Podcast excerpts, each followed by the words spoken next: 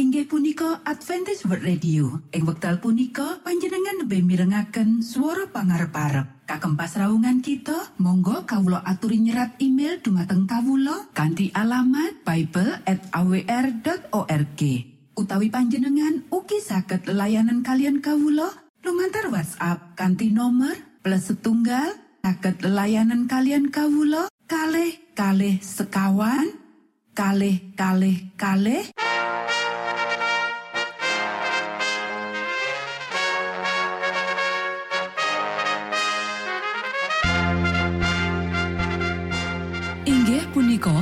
Adventist World Radio ingkang giaran kanti basa Jawi. Tentrem Rahayu kula aturaken kagem poro Mitra kinasih ing pundi papan lan panggonan. Sugeng pepanggian malih kalian Adventist World Radio. Kanti bingahing manah Kulo badhe sesarengan kalian poro Mitra kinasih lumantar saperangan adicara ingkang sampun rinonci mligi kagem panjenengan sami. Mugi giaran punika saged migunani tuwin dados berkah kagem kita sedaya. Sugeng midhangetaken Gusti amberkahi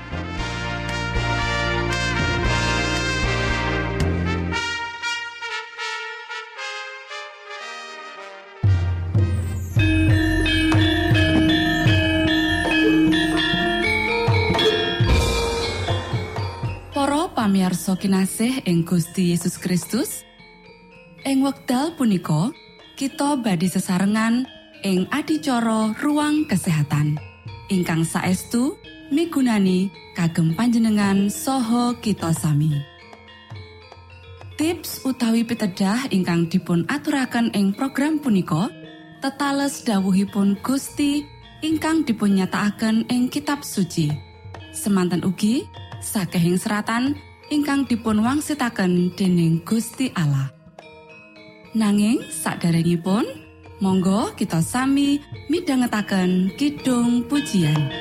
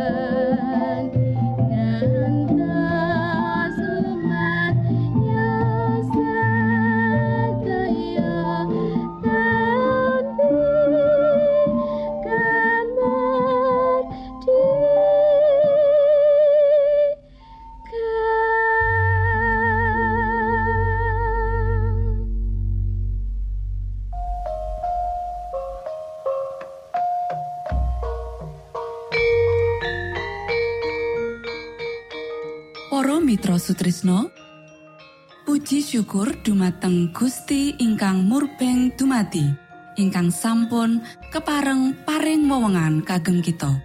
Satemah saged nglajengaken ruang kesehatan. Pirembakan kita semangke kanthi irah-irahan. Panganan kang duweni gizi ana ing saben benua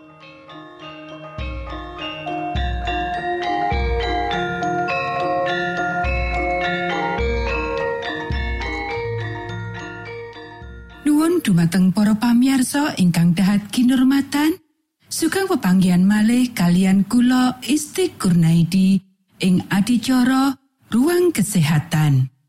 Ing dinten punika kanthi irah-irahan panganan kang duweni gizi ana ing saben benua.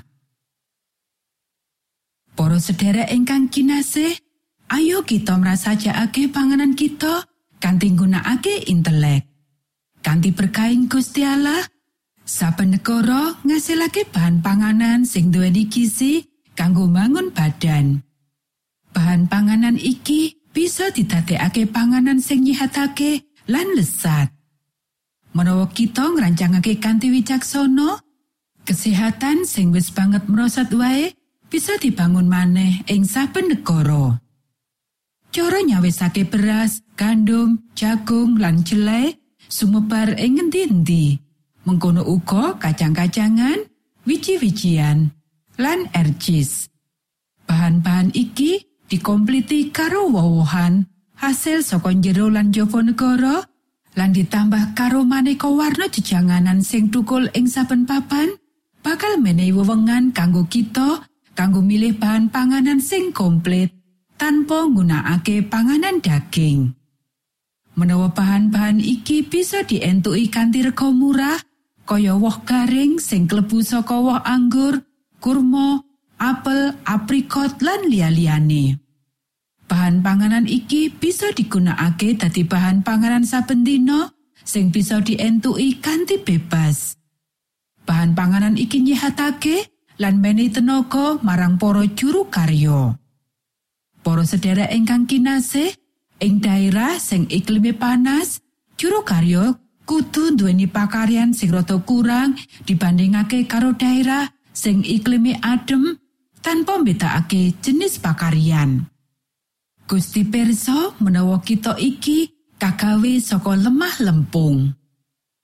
Para sederek luwih sedidik gula sing dicampur menyang sakjroning panganan waktu disediakake luwih sedidik kangelan sing dialami amarga panase iklim. Para sedherek ingkang kinasih, supaya kita bisa nindakake tugas kita kanthi lurus lan jujur, kita kudu mangerteni suasana lan kahanan sing mengaruhi umat manungsa. Gusti ngenekake pacawisan kanggo wong-wong sing urip ing pirang-pirang negara ing donya iki.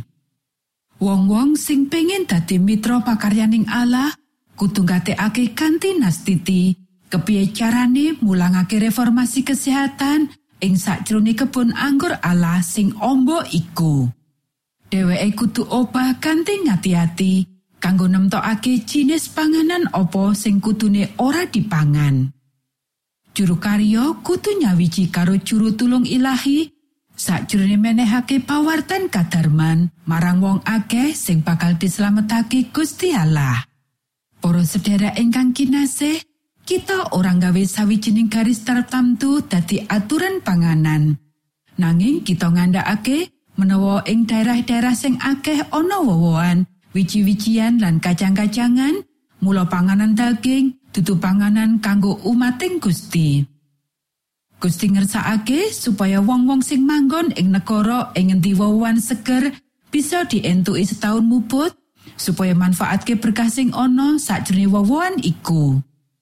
Luwih akeh kita gumantung marang wowoan seger sikro sakwise dipetik saka wite luwih gedhe kasiate. Matur nuwun, Gusti amberkahi.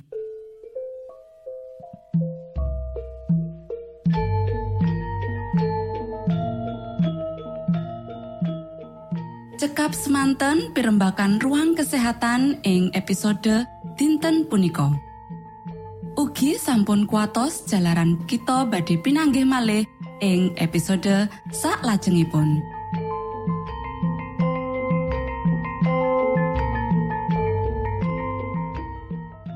Inggih punika adicara ruang kesehatan.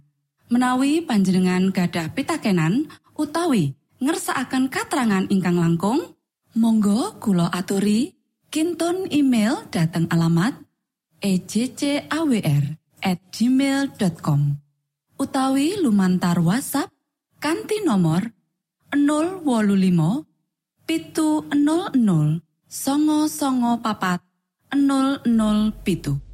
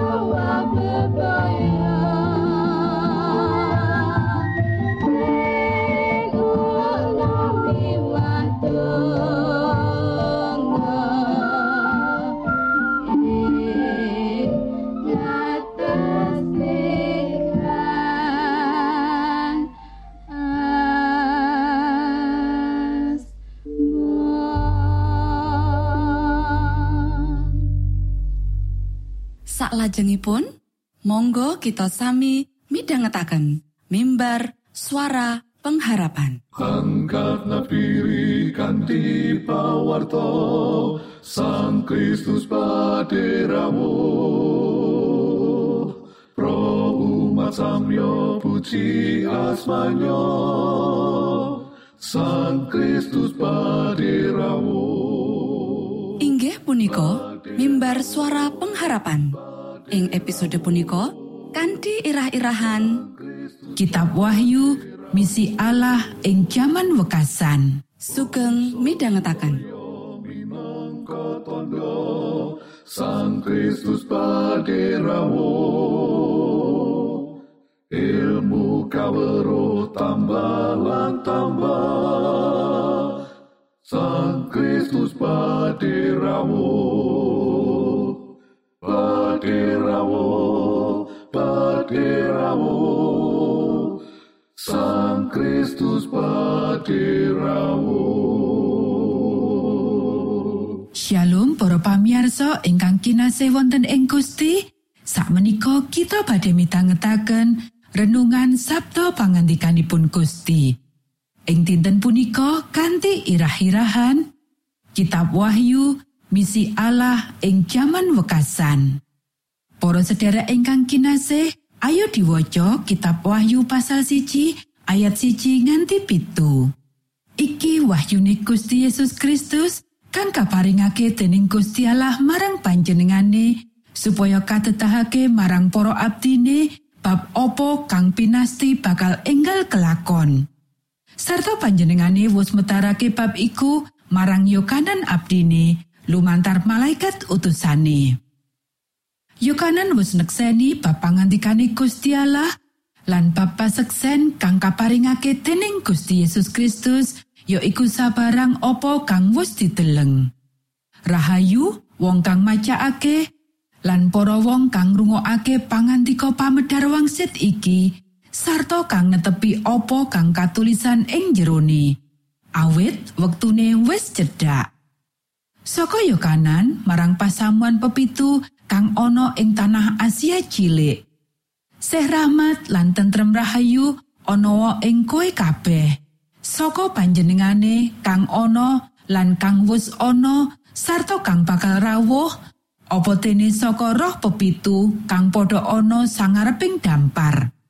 Sarta maneh saka Gusti Yesus Kristus seksi kang setya kang dhisik dhewe wungu ana ing antarane wong mati lan kang nguwaosi saking ratu ing bumi iki. Panjenengane kang ngasihi kita lan kang wus birat dosa kita kalawan rahe lan kang wus ngangkat kita dadi sawijining karajan padha dadi imam sumaos marang Gusti Allah kang Rama iya kagem panjenengane iku kamulyan lan panguwasa nganti salawas-lawase amin kawruhana panjenengane rawuh nitih mega lan saben mripat bakal ndeleng panjenengane. Dalah wong kang wis padha nyubles panjenengane. Sarta saking bangsa ing salumaing bumi bakal sambat-sambat marga saka panjenengane. Iya amin. Para sedherek ingkang kinasih sakwise nyatakake ing ayat-ayat wiwitan menawa Gusti Yesus minangka sumber lan punjere saka kitab Wahyu ing kitab Wahyu pasal siji ayat papat lan limo nyinggung katelu anggota kealahan kang makarya bebarengan kanggo nyelametake manungsa.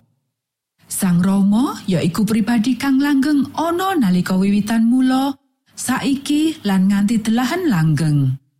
Sang Roh Suci sinebut pribadi kang makarya kanthi kuwasa ing antarane para pasamuan gereja ing abad wiwitan.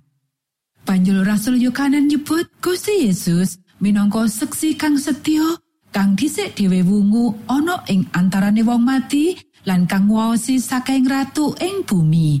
Wahyu pasal siji ayat 5 kang kagungan hak panguwasa kang sah ing jagat proyo iki. Rekotoyane iblis ing rancangane nggunakake bumi kanggo yasa kratone wis remuk. Minangka tambahan menggahing kaanggulane Gusti Allah tumrap iblis.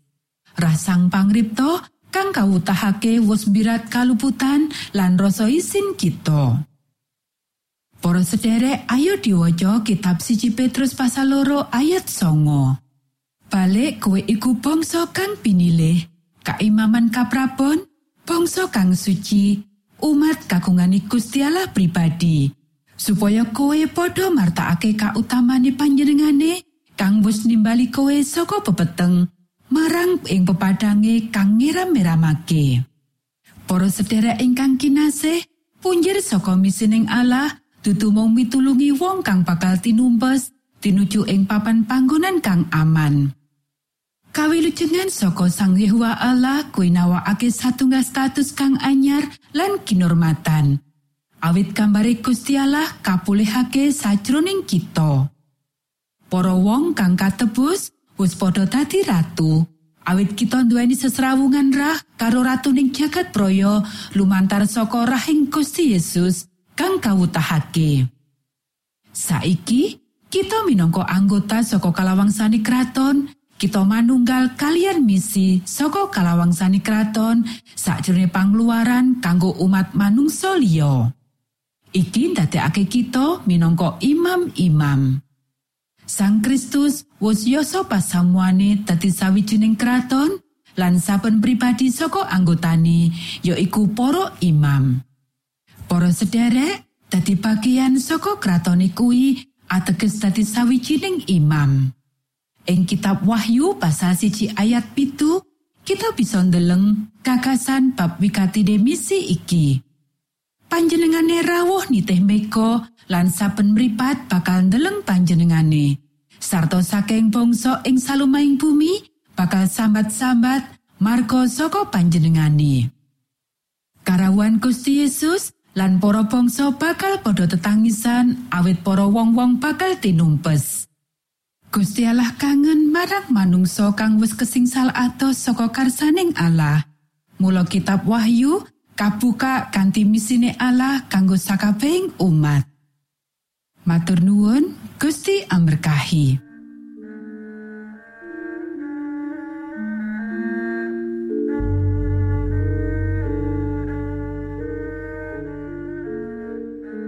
Para Mitra Sutrisno pamiarsa kinasih ing Gusti Yesus Kristus sampun paripurno pasamuan kita ing dinten punika.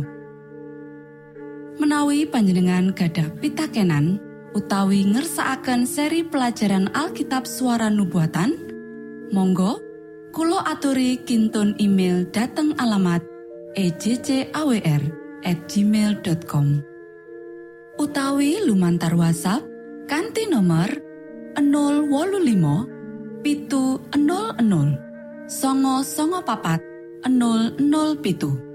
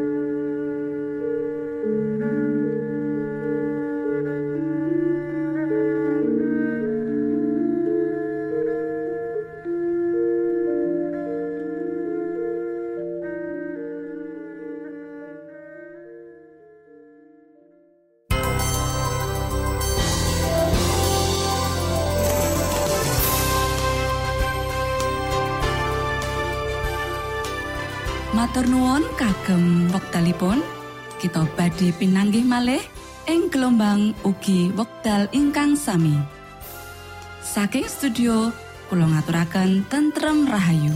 Gusti amberkahi kita sedoyo Maranata